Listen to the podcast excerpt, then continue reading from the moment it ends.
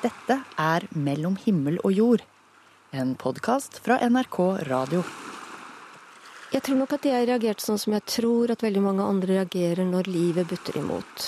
At uh, hvordan kan Gud være til i en verden hvor, uh, hvor man mister sine kjære, hvor man opplever at, at man mister det absolutt kjæreste man har. Altså, hvordan kan være, Gud være til i en sånn verden? Hei, jeg heter Eva Mjøen Brantenberg. Jeg er født i Fredrikstad, og jeg bor på Tjøme i Vestfold. På kjøkkenet hjemme hos mamma så, eh, og pappa så hadde jeg et skap som var forbeholdt mine leker. Det var et skap som vel egentlig skulle vært brukt til gryter og andre viktige ting. Men der hadde jeg da et helt skap med mine leker. Og mamma jobbet jo på kjøkkenet, jeg lekte på kjøkkenet. En gang så fikk vi besøk av en dame, jeg husker jo ikke hvem det var, og det spiller jo ingen rolle, men når hun kommer inn på kjøkkenet, så ligger lekene mine absolutt overalt. Utover på kjøkkenet, og mamma gikk sikkert sånn forsiktig rundt for ikke å tråkke på de. Og denne damen liksom på en måte sier, får hun lov til? Og og, å rote sånn utover kjøkkengulvet. Jo, selvfølgelig får hun lov til det, sier mamma. Og, og, det husker jeg veldig godt. For det er klart at som alle andre barn, så var jo jeg også redd for å få refs, for det betød jo ikke det at jeg aldri ble eh, irettesatt. Bevar meg vel, det hendte jeg ble irettesatt. Men jeg husker følelsen det ga meg. Følelsen fra den gang. Lettelsen over at ikke mamma da straks opp og så sa liksom 'Jeg rydder opp lekene dine, Eva, du må ikke rote sånn'. Altså, jeg var heldig å ha, foreldre som, som ga meg en sånn rett til å trå på denne jorda. Det er noen eh, øyeblikk fra livet vårt eh, som aldri blir viska ut fra hukommelsen. Og eh, når jeg spør Eva om et godt minne ifra barndommen eh, som sier noe om eh, foreldre hennes, så trekker hun altså fram eh, episoden fra 1950-tallet. Og det skal bli et veldig godt minne å ta med seg videre.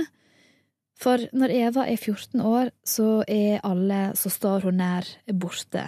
Besteforeldre, ei tante, mor og far. Ja, de dør faktisk alle sammen i løpet av ganske kort tid. Eva hun blir eh, flytta rundt omkring i mange forskjellige heimer, men hun har vanskelig med å finne roen. Hun føler seg svikta. Hun føler seg eh, svikta av Gud, sier hun. Jeg tror vel det at um, i tillegg til at jeg da ble tenåring, og var påvirket av, av det, så, så, tror jeg vel at Eh, min fornekting av Guds eksistens og Jesus' eksistens, den, den hang jo også sammen med en bitterhet over eh, den skjebnen som hadde blitt meg til del. Var du sint på Gud? Jeg tror ikke jeg var det bevisst. Men hvis jeg tenker etter i dag, så kan det nok tenkes at jeg, at jeg var det. Men hvorfor var du sint? Nei, det tenker jeg er ganske naturlig. Å bli sint eller bitter når man får en såpass eh, dramatisk eh, skjebne. La oss nå si at uh, At noen, Gud eller mennesker, har latt være å hjelpe deg, da. I en situasjon hvor du trengte hjelp. Så er det ganske naturlig at du vender det mennesket ryggen barnetro er jo litt sånn, ikke sant. Altså, i freidig hvor du går, ikke sant. Da skal Gud beskytte deg når du går gjennom gatene når det er mørkt. Mm. Og hva da hvis det kommer en voldtektsmann, hva skal du tenke da? Det var stor trøst i det å, å, synge denne sangen før vi skilte, så jeg skulle gå alene gjennom kirkeparken hvor det var mørkt, og vi, hvor vi sa at det fantes fuglekeller, og, og hvor det kunne være skumle ting og sånt. Og, og, det skjedde aldri noe for meg. Så er det jo naturlig for et barn å tenke ok, så har Gud beskyttet meg. Men Gud beskyttet meg altså ikke mot å miste mine foreldre. Så i en periode etter da dette skjedde, så, så snudde du ryggen til Gud? Ja. Det gjorde jeg jeg tror at det er veldig mange da som mister sin kristentro fordi at de ikke er blitt bønnhørt. Hva var det du trodde på i den perioden, da? Jeg, jeg, var vel det man kaller for ateist, rett og slett. Mm. Du stolte på deg sjøl? Ja. Det var meg selv jeg skulle stole på. eh, det var først da jeg eh, fikk en opplevelse som gjorde at jeg bare bestemte meg. Det er noe. Dette noe kaller vi Gud, men det er noe der som vil oss vel. Ja, for eh, etter å ha holdt eh, Gud på lang avstand gjennom nesten eh, hele livet, så skjer det noe med Eva Myen Brantenberg en natt. Vi har tidligere hørt at Eva hun ble foreldreløs som 14-åring. Og det var naturlig nok veldig tungt. Hun var sint på Gud, sint fordi hun syntes at det var så urettferdig at hun skulle miste de hun var mest glad i når hun var så ung. Og nå står hun i fare for å bli aleine igjen. Jeg var, var, veldig langt nede. Jeg hadde eh, Jeg var akkurat midt i en skilsmisseprosess, og, og den For meg som da har hatt som livsdrama på en måte å miste familie, så, og jeg hadde vært igjennom dette før, eh, flere ganger, på en måte. Å miste det grunnlaget som et hjem med en familie er, eh, så, så visste jeg ikke om jeg orket å leve mer. Nå hadde dette skjedd igjen, og jeg lå våken en natt og var eh, dypt fortvilt. Og så kommer det da plutselig et lys i rommet. Og, og jeg tenkte i all verden, hva er dette lyset? Og så kjenner jeg bare en stor godhet, eller fred, eller hva jeg skal si. Altså, jeg følte det var en engel i rommet, rett og slett. Uh, og så var det som om jeg fikk et budskap, og det Ja, det kom liksom til klarhet for meg sånn som, I en setning som kan formuleres som tent slik eh, Du mister alt dette, men du har meg. Og så forsvant lyset. Det varte ikke lenge. Og jeg gikk fra å være dypt fortvilt til å bli nesten erforisk lykkelig eh, i de kommende dagene. Og denne vissheten, eller tryggheten, som denne opplevelsen ga meg, den har fulgt meg siden. Ble ikke du redd? Nei, ikke i det hele tatt. Jeg ble bare fylt av en, en stor forundring. En god forundring. Noen vil jo kanskje si at det er innbilning. Ja. Ja? Er det det? Det har jeg tenkt på mange ganger, og jeg har tenkt mange ganger kan jeg gi en eller annen form for fysisk forklaring på dette her. Eh, nei, det må ha vært noen som holdt på å leke seg med en lyskaster et eller annet sted. ikke sant? Altså, det er klart at jeg har tenkt sånne tanker mange ganger. Men hvorfor skulle da denne opplevelsen fylle meg med en, en visshet? Med en så stor grad av forundring, og med en så stor grad av hjelp etterpå. Ja ja, så kan noen si at det også skjender opp, opp i mitt hode, opp i min syke og alt dette her. Ok, så tenker folk det. For meg har det jo blitt viktigere å tenke at dette har med noe hinsides å gjøre, altså noe på den andre siden. Altså at det finnes en kraft, en kjærlighetskilde, en, en god mening som følger oss gjennom livet. Og når vi er på det mest fortvilte, så kan vi være mottakelige for å ta imot den hjelpen. Jeg tror ikke det er sånn at øh, vi har en gud som frir oss fra øh, lidelsen. Vi har en gud som er med oss gjennom lidelsen. Fordi du snakka her om at eh, det er forskjellige måter å se dette med Gud på. Eh, da du var yngre og mista foreldrene dine, så forkasta du Gud fordi at eh, du følte at Gud ikke var der for deg. Mens nå ser du på det på en annen måte. Gud er med i lidelsen, ikke sant? Ja, det er sånn jeg ser det.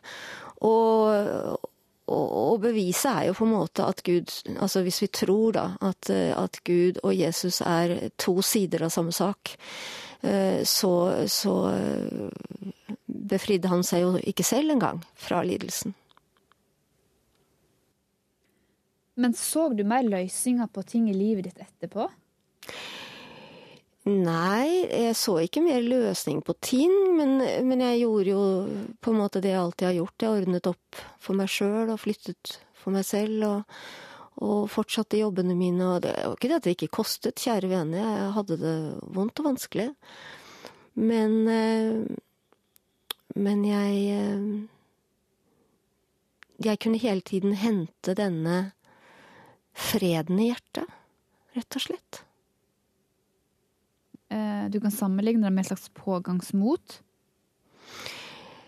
Si at det var en, eh, en, buffer mot depresjonen, og at det var eh, At det hjalp meg til å øh, legge til side ønsket om ikke ville leve mer. Og at øh, det ga meg en, en glede, rett og slett. Ja, en personlig historie om det å miste Gud, men også plutselig eh, finne tilbake igjen til eh, trua si. Eva Mjøen Brantenberget hun er òg aktuell med ei bok akkurat nå, 'Før himmelen roper deg hjem', som har hjulpet henne eh, gjennom prosessen. Jeg heter Rabida Akhtar, og jeg er opprinnelig pakistansk.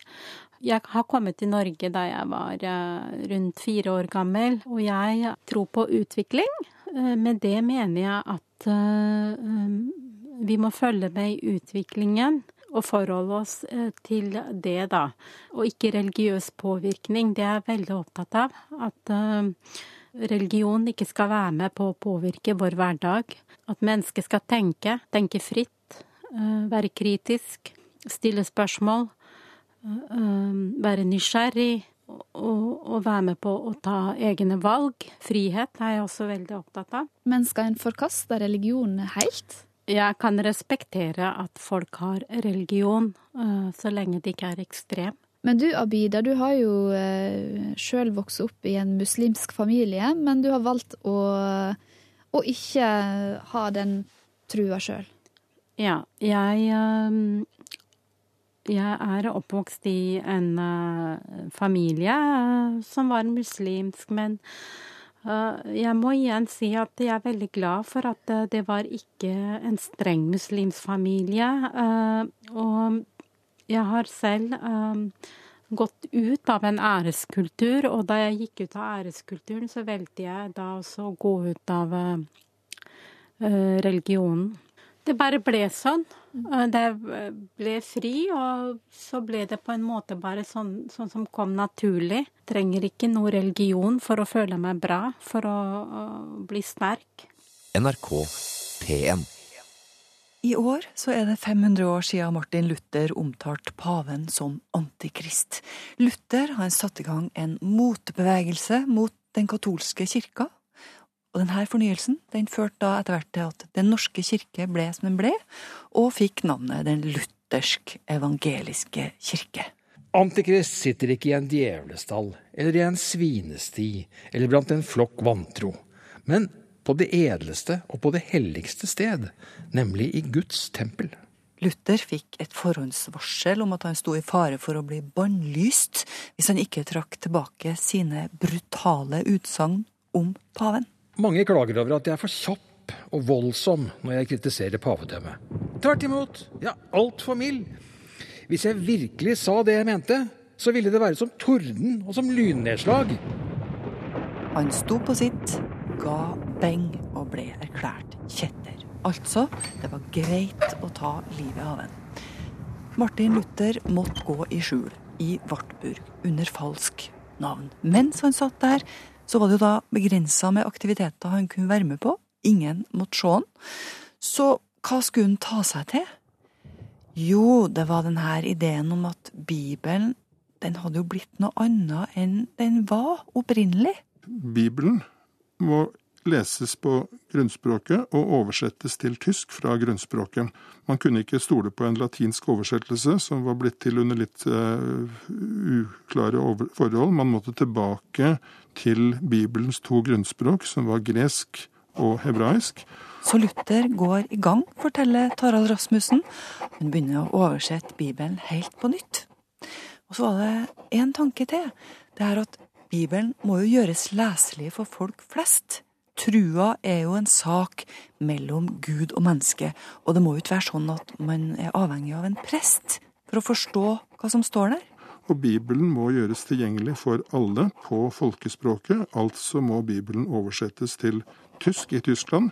Dansk i Danmark og finsk i Finland osv. Og da er det viktig at alle skal kunne lese Skriften, at ikke, at ikke man overlater til en teologisk elite å tolke Bibelen for folket, men så mange som mulig skal kunne lese Bibelen selv. Og man kan altså ikke forlange at folk skal lære seg latin for å kunne lese Bibelen. Og her på berget har vi ingen bibel på vårt eget språk. Vi henger etter med denne forandringa. Luthers tanker har så vidt kommet til landet. Så her leser prestene hokus pokus, og folk flest skjønner ingenting. Sigrun Høgetveit Berg forteller. Ja, Bibelen på norsk eh, den kommer ikke før helt på slutten av 1800-tallet. Men eh, Bibelen på dansk mm. den kom eh, først i 1543. Så kom første Nystestamentet. Og hele Bibelen kommer i 1550. Og reformasjonen blir jo en av de store, kan du si, brekkstengene for eh, nasjonalspråka rundt om i Europa.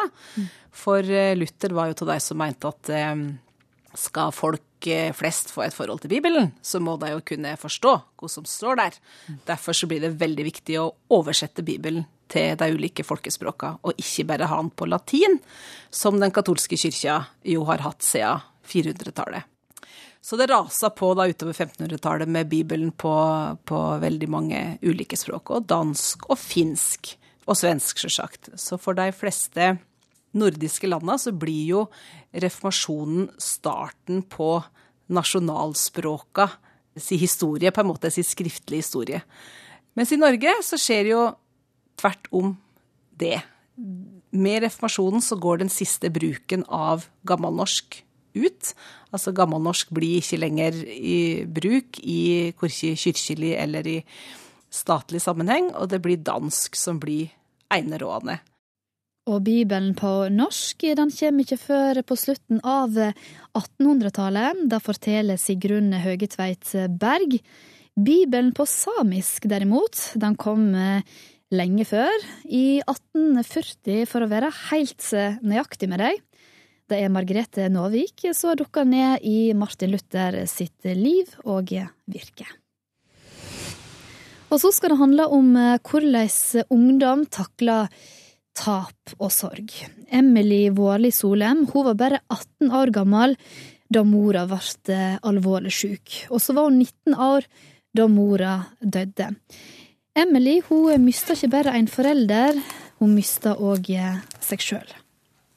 Her er jo pappa og mamma og jeg. Og dere er vel sånn ca. tre år gammel, tipper jeg. Og dere er mamma ca. like gammel som det jeg er nå, da. Sykepleiestudent Emily Våli Solheim sitter med et par fotoalbum foran seg i en liten leilighet i Trondheim. Så det er veldig mange som sier at vi er veldig like, da. Det er omtrent seks år siden mammaen hennes fikk et brev i posten med beskjed om at hun hadde kreft som hun ikke kunne bli frisk av. Jeg husker at jeg gikk litt i sånn Gikk i min egen boble i et par måneder og bare skjønte ikke helt hva som hadde skjedd. Og klarte ikke helt å ta det innover meg heller, fordi ja, det var litt sånn uvirkelig, da. Den spreke mammaen min hun var jo 40, 42 år. Etter det jeg var 41, faktisk.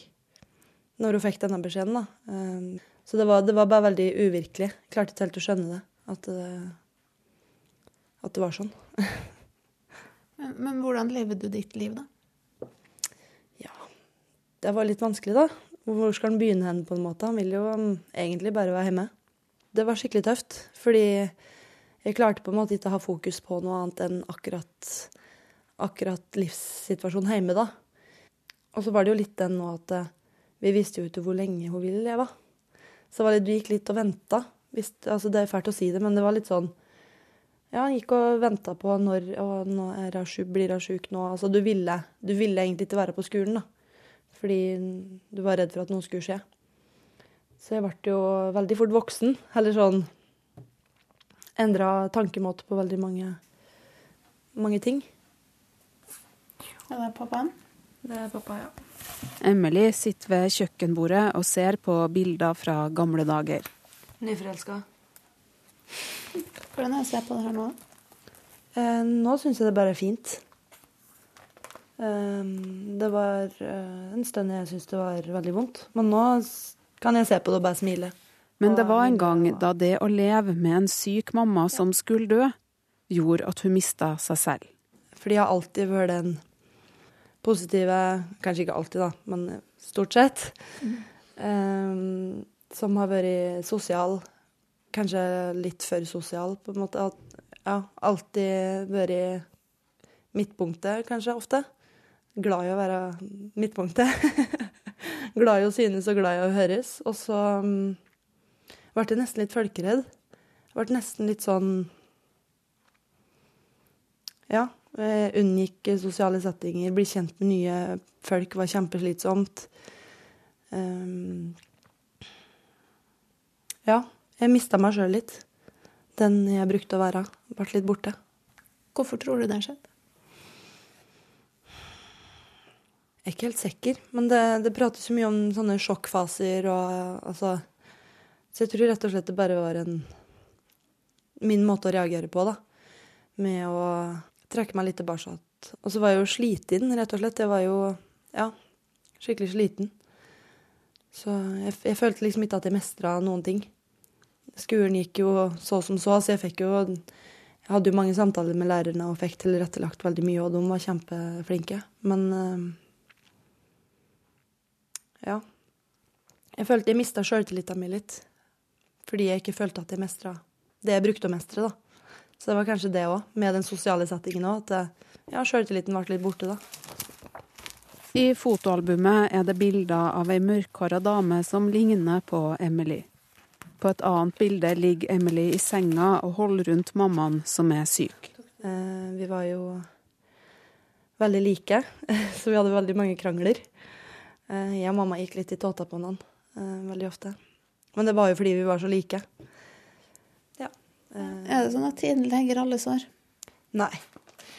Tiden leger Leger ingen sår, han bare hjelper deg til å leve med såret.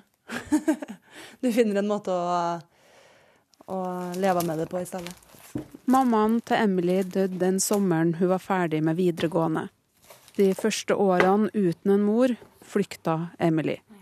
Hun reiste på folkehøyskole kort tid etter begravelsen, og derfra videre til Brasil, Florida, Oslo og til slutt Trondheim. Så det har vært veldig mye flytting da, på kort tid. Og sånn i ettertid så ser jeg jo at mye av det var jo ja, for å flykte litt. Jeg hadde jo hadde det kjempebra mens jeg var ute og reiste. Og, og det var, jeg angrer ikke på at jeg har gjort det i det hele tatt. Og det var en kjempefin opplevelse. Men jeg fikk jo en liten smell når jeg kom hjem igjen, da. For da ja, reiste jeg bort og fikk noe annet å tenke på. Så kom jeg hjem igjen, og så ja, kom det litt etter meg igjen. Mm. Så du satt i lengde der, da? Ja, det gjorde det. Altså, jeg fant meg sjøl litt, men sånn helt at jeg har det Nå har jeg det bra med meg sjøl, på en måte. Men altså, det gikk jo gradvis bedre, og bodde jo i Oslo og hadde det bra da, på en måte. Men eh, jeg måtte hele tida ha et mål med ting. Jeg måtte, altså, enten så var det trening, eller så var det kosthold, eller så var det å reise. Liksom. Jeg måtte hele tida Jeg, jeg var rastløs. Mens nå så er jeg på en måte fornøyd med den jeg er, fornøyd med åssen jeg ser ut. Uh, ja, fornøyd med livet, da. At det ikke hele tida må være en forandring på ting. At jeg trives sånn som det er. Mm. Um, mens mamma var sjuk, og like etter at hun gikk bort, så var jeg egentlig ganske dårlig til å prate om ting. Uh, jeg ble jo litt sånn, ja, inneslutta og uh, reagerte kanskje med å bli litt sur, i stedet for å si hva jeg følte, da. Sjøl om mamma var veldig på den der at vi skulle prate hele tida. For hun visste jo nytteverdien av det. At nå skal vi prate om dette her. Nå må vi prate om tida etterpå. Liksom. Hun var veldig flink til det. Men jeg klarte ikke helt, helt det da. Hvorfor tror du at du ikke greide å snakke om det? Nei, det var vel det at jeg ikke ville innse det, da. Um, det ble for nært, da. Og det ble um, Jeg klarte liksom ikke helt å se for meg en, uh, et liv uten mamma, på en måte.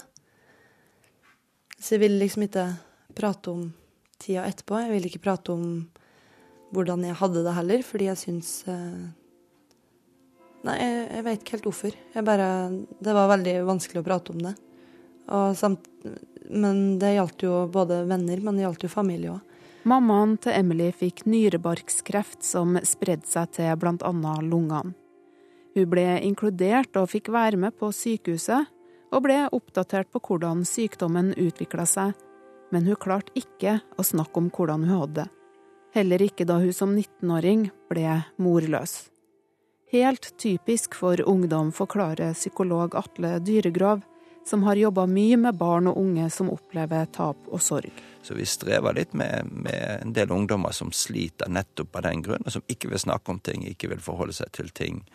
Det er smertefullt, og når det er smertefullt, så bruker vi de mekanismene vi kan for å unngå den smerten. Og når de mekanismene virker så bra som de gjør når vi stenger noe ute, så gjør vi mer ut av det, så bruker vi mer ut av det. Så det er nok slike ting som, som eh, virker inn, tipper jeg. Men, men vi, vi, har ikke god nok kunnskap om, om, dette, og vi har lett for å trykke voksenkunnskapen nedover ungdommene. Eller eh, kanskje for mye tenke på de som, som, barn, mens de er i en sånn hvis vi skal kalle det noe limbofase midt mellom, mellom eh, barn og voksen.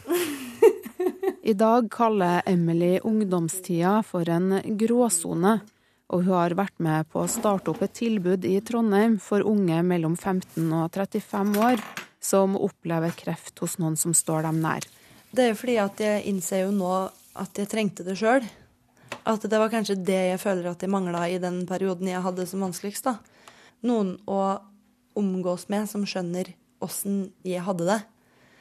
Eh, veldig glad i venninnene mine, ikke det, men, men eh, jeg ser nå på en måte det å kunne være i fellesskap med noen som kan relatere til åssen jeg hadde det da, i den situasjonen jeg var i. Følte du deg alene? Ja, både ja og nei. Jeg var jo ikke alene. Og jeg vet jo at venninnene mine hadde stilt opp hvis jeg hadde spurt om det, og det gjorde de òg. Men likevel så føler en seg jo litt alene fordi ja, fordi han sitter, sitter, med noe som kanskje ingen helt kan relatere seg til, og du vet det, du vet det helt åssen du skal gå fram med å prate med noen, og du føler deg kanskje litt alene med tanke på at du tenker litt annerledes enn mange andre. Eh, fokuset mitt var jo egentlig at jeg ville hjem fra skolen for å hjelpe til hjemme, f.eks. Lage mat. Eh, vaske. Altså henge opp klær. Altså bare sånne ting, da. At han ble eh, hadde litt andre prioriteringer i hverdagen og helger og litt sånne ting. Emily var heldig som hadde en mor som var opptatt av å snakke om situasjonen og hvordan det ville bli når hun døde. Men det er ikke alle unge som har det sånn i sin krise, sier psykolog Atle Dyregrov. Og jeg blir så sjokkert ofte over hvor mye alene ungdommer er, og hvor lite de vet om sorgreaksjoner, og hvor de, sant, To dager etter at de har mistet noen, så, så er de helt fortvilet, for det må jo gå over nå, nå må de snart være ferdig med disse reaksjonene. Og jeg tenker at det er en, en Vi har et ansvar som samfunn å formidle mer informasjon, sånn at når, når, ting skjer i ungdommers liv, og mange opplever alvorlig sykdom og, og død, så, så, må de ha en, en, referanseramme for det som skjer, slik at de kan forstå det. Og i dag så, så er vi ikke gode nok på det. det Samtidig så er det vanskelig å påføre skolen enda flere oppgaver. At de, skal, de, må, de må utstyre dem med mer kunnskap. Men det er helt nødvendig for å kunne leve et eh, liv i det samfunnet vi er i, at de vet mer om død og vet mer om reaksjoner når de opplever krisesituasjoner. Tilbudet Emily har starta opp i Trondheim, heter Ung pårørende, og finnes også i Tromsø, Bergen og Oslo. Men mange syns det er en bøyg å dukke opp på samlingene, forteller Emily. Det er den derre generasjon-prestasjon. Litt, føler jeg, da. At alle skal eh, være så innmari flinke i alt. Og mestre alt. Og klare alt sjøl. Ikke sant? At det, det kanskje virker som en, et nederlag da, å søke hjelp. Tror jeg at det går mye på. For han ser jo altså han skal være, være flink i idrett, han skal være flink på skolen, han skal være sosial. Han skal, eh, altså han skal klare alt. Og da går jo litt det, dette her på det samme, at han skal klare alt. Så han skal ikke vise at han er svak. Ja, det å miste et nært familiemedlem på en måte ikke en del av den perfekte pakka, det, da?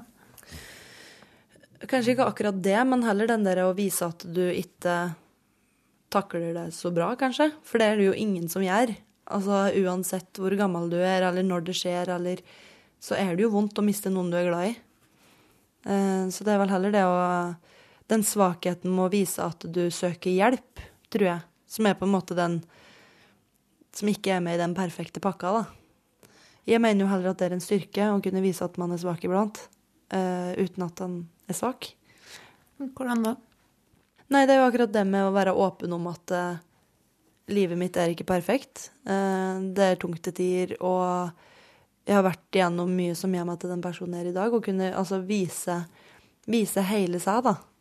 Ja, da sa Emily Vårli Solem til Lise Sørensen, som hadde laga dette innslaget. NRK P1. Så stiller vi spørsmålet om bibeloversetting kan virke som historieforfalskning eller en revisjon av bibelhistorien. Når ordet slave eller trell blir erstatta med tjener, så er det en forskjønnelse av innholdet i Bibelen, hevder en forsker. Dersom en av dere har en tjener som er ute og pløyer eller gjeter, vil han da si til tjeneren når han kommer tilbake fra markene, kom nå og sett deg til bords? Nei, han vil si, lag til kveldsmaten, bind opp kjortelen og stå til tjeneste for meg mens jeg spiser og drikker. Etterpå kan du selv få deg mat. På samme måte med dere. Når dere har gjort alt som var pålagt dere, skal dere si, vi er unyttige tjenere og har bare gjort det vi var skyldige til å gjøre. Stopp en hal. Dette er da ikke slik det tidligere ble gjengitt i Bibelen. Det var ikke en tjener dette dreide seg om, for i tidligere oversettelser var det slaven som oppvartet sin herre, også i Lukasevangeliet som dette var hentet fra. En slik forveksling er med på en forskjønning av innholdet, sier Anders Martinsen, som er bibelforsker og førsteamanuensis ved Fakultet for lærerutdanning og internasjonale studier ved Høgskolen i Oslo og Akershus. Det å oversette historiske tekster, det er jo en måte å, å, skrive historie på. Når man vanlige lesere leser en bibeltekst, så får de jo et inntrykk av eh, den verden som teksten ble til i. Og hvis man eh, utelukker eh, slavene der de dukker opp, så forsvinner jo også de litt ut av, eh, av historien. Og da mister man av syne at eh, de tidligste kristne levde i samfunn der slaver var en del av hverdagen. Og det gjenspeiles også i tekstene. Og tekstenes innhold, de er ofte De går, de går sjelden i slavens favør, hvis man kan si det slik. For eksempel så er lignende preget av mye vold mot slaver og et lydighetsideal eh, til Gud som om han var en slave. Men, men, har dette noen spesiell betydning for, for oss eh, per i dag? De bibelske tekstene er kanskje de eneste eh, veldig gamle historiske tekstene som, bruk, som har, sånn, som har så vid bruksområde i dag. Det er jo tekster som skal eh, prekes over. Eh, det er tekster som eh, mange oppfatter som normative for sine liv. Og det å ta, kunne løfte fram også de problematiske sidene det handler jo også om en slags ærlighet, en ærlighet på den historiske situasjonen, og, og en ærlighet på at vi må kritisere det menneskesynet som ofte kommer fram i de bibelstekstene. Og det gjelder ikke bare eh, de voldstekstene vi kanskje kjenner fra Det gamle testamentet, men også de, eh, vanskelige, eh, det vanskelige gudssynet som Paulus og Jesus også eh, uttrykker. Jeg tror ikke man gjør det bevisst, og jeg vil ikke anklage noen av bibeloversetterne for å eh, bevisst forkjønne eh, oversettelsene. Eh, jeg tror de gjør det ut fra det de mener er den, eh, det riktige. Men sluttresultatet eh, blir jo uansett at, ja, at det skjer en, en, forsømmelse, og da blir det en viss form for revisjonisme. ja, Uten at jeg da vil si at eh, det er noe, ja, en, en sånn bevisst kampanje eller en holdning. Men hvordan har så Bibelen vært oversatt opp gjennom historien? La oss begynne med Martin Luther.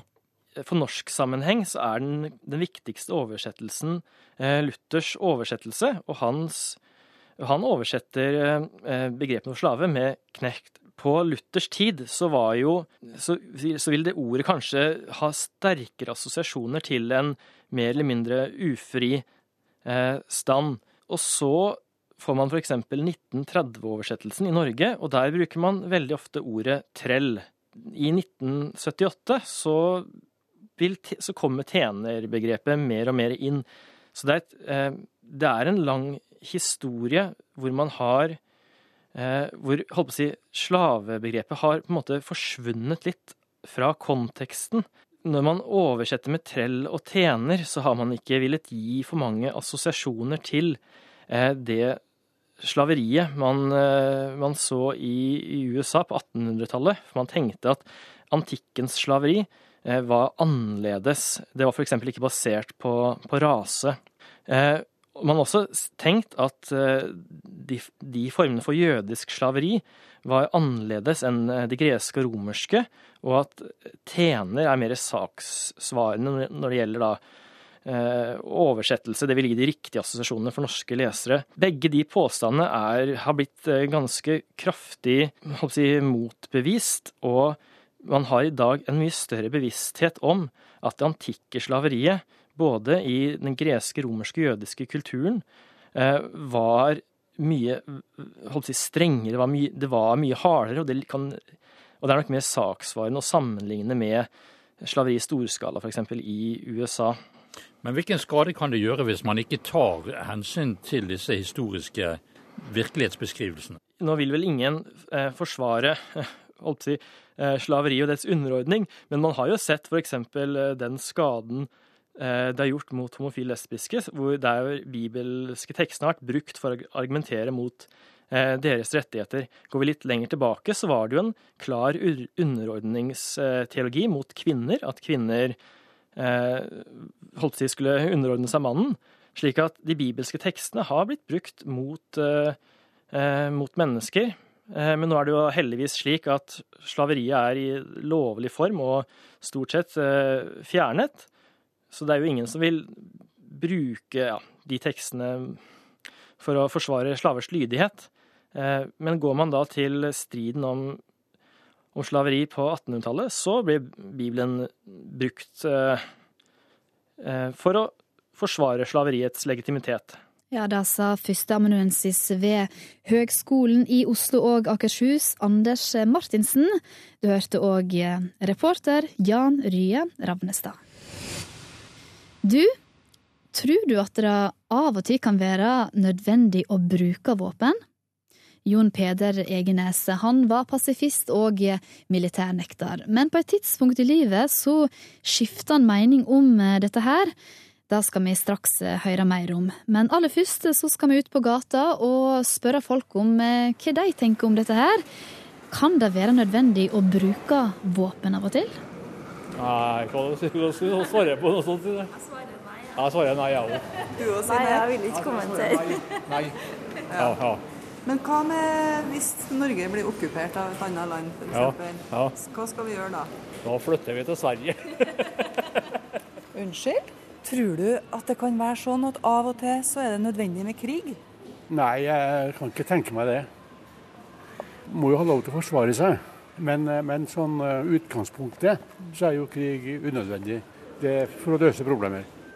Nei, jeg, jeg tror kanskje vi må gå til forsvar da, for å vise hva Norge er i stand til. Hvis, hvis noen kommer hit og skal prøve å ta oss, så tror jeg kanskje det er greit å gå, å gå i motstand. da.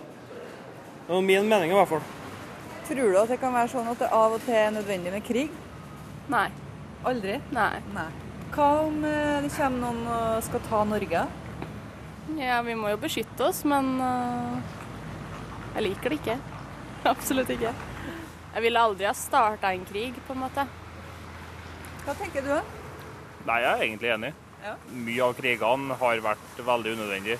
Når, eh, hvis, et, hvis, vi ser, hvis vi ser da, at det er et land som har grove brudd på menneskerettigheter, at de Mm. behandler ja, f.eks. bruker tortur Mm. mot sine eh, borgere, Mm. skal vi gripe inn da? Eh, Jeg mener nok kanskje FN, ja, for de eh, har eh, litt det mandatet i verden. Og så mener jeg heller ikke at eh, utvalgte land, type USA, eh, Russland, Tyrkia for den saks skyld, eh, skal gripe inn i f.eks. Syria og Jemen hvis det blir begått eh, altså brudd på menneskerettighetene i det landet. Da, da jeg mener ikke at det er et land eh, skal skaffe seg mandat til å gripe inn i et enkelt land. Det syns jeg. Ja, som forsvar, der, dem er vi jo nødt til å forsvare oss hvis vi blir angrepet. Ja, for det er jo noen som mener at vi ikke skal det òg.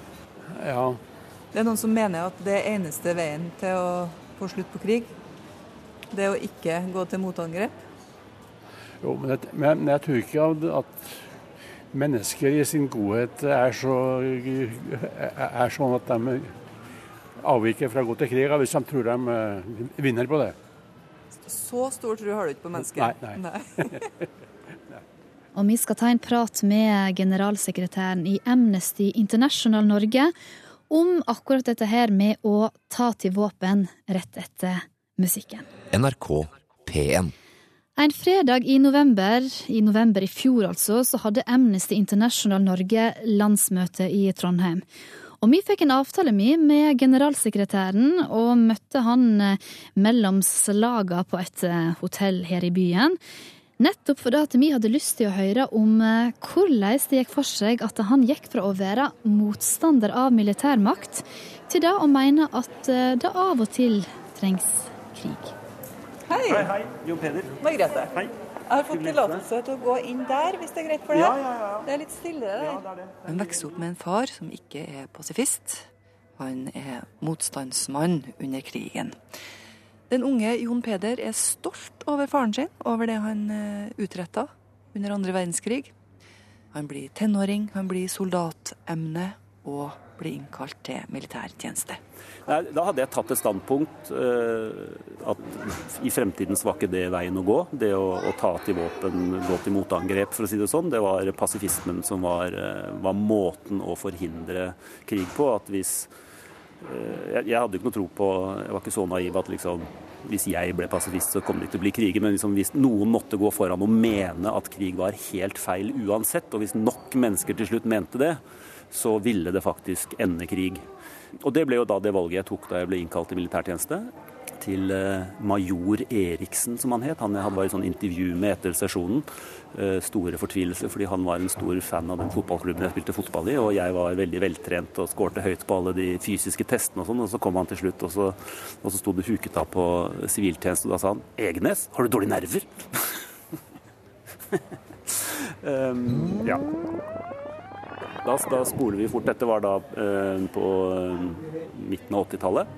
Så blir det siviltjeneste i Idrettsforbundet, og etter hvert så blir han sugd inn i Amnesty, så å si. 90-tallet kommer med bråk på Balkan. Og det som eh, rett og slett fikk meg til å, å forkaste pasifismen, da, det var Srebrenica. Men aller først i Dagsnytt Bosnia og Bo Brekke, hva er situasjonen nå? Ja, Det som eh, synes klart, er at de serbiske styrkene nå har tatt kontroll over den sikre sonen rundt Srebrenica, helt øst i Bosnia. Betyr dette at eh, Natos angrep eh, kom for seint? Ja, dette betyr at Natos flyangrep trolig kom for seint. Jeg vet jo ikke helt om, om jeg har det helt rette bildet. Eh, Men, men da fikk jeg jo en sånn Slik jeg leste det, så hadde jo da disse serbiske styrkene, bosnisk-serbiske styrkene kommet liksom opp en dal eh, til Srebrenica. Nato-styrkene eller FN-styrkene som var der, hadde på en måte ikke ytt noen motstand. De hadde tatt over byen, og så massakrerte de jo tusenvis av både unge og gamle menn. Og da tenkte jeg at det måtte ha vært, de kom opp en dal, så måtte ha vært så lett å stoppe dem. Hvis man hadde satt militærmakt imot. Altså, La oss si at jeg var der, da. Kunne jeg liksom virkelig bare satt meg ned som en Gandhi og sagt eh, ikke og, og hva ville de gjort? De ville bare rullet over meg og, og hatt meg som en av de mange tusen som de slang i en massegrav. Og da tenkte jeg at nei, jeg tror faktisk at uh, våpenmakt i noen tilfeller er helt nødvendig. Og, og, men jeg meldte meg ikke til Forsvaret, da. Men, uh, men da, da, tenkte jeg nei, det, jeg, jeg, tror ikke lenger at pasifisme er, er veien, å, veien å gå. Da Srebrenica falt den 11. juli, ble kvinner og barn stuet inn i busser og kjørt over frontlinjen til muslimskdominert område. Menn og gutter helt ned til tolv år ble skilt ut og ført bort. Først tre uker senere viste den amerikanske FN-ambassadøren frem bilder som var tatt fra spionfly. De viste massegraver utenfor Srebrenica. Trolig ble 2700 menn massakrert. Kvinnene spør hvorfor FN ikke hjalp dem.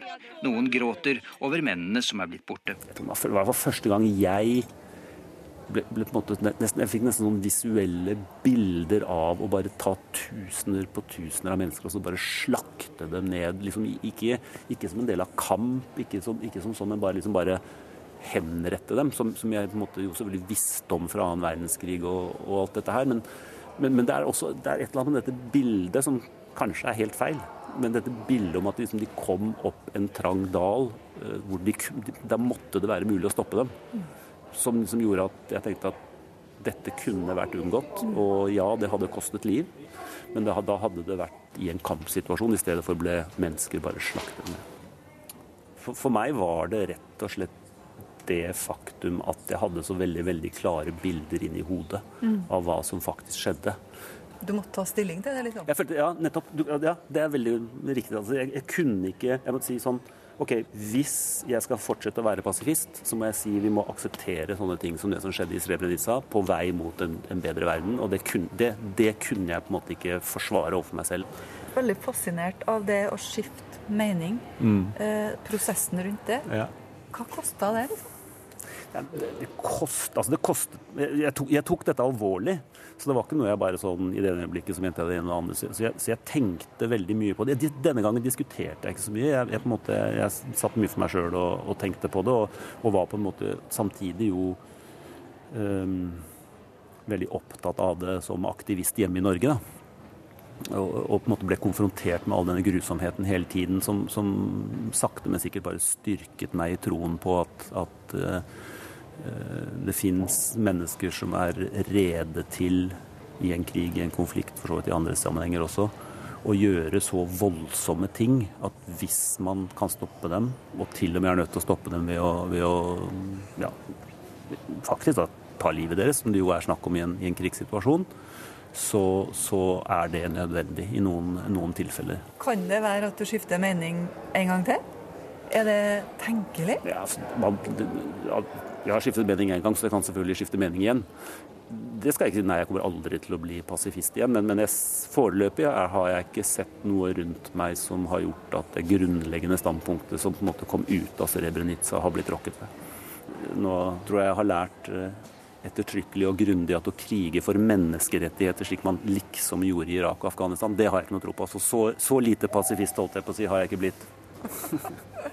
Ja, Det sier Jon Peder Egenes, som er generalsekretær i Amnesty International Norge. Reporter her var Margrethe Nåvik. Hør flere podkaster på nrk.no podkast.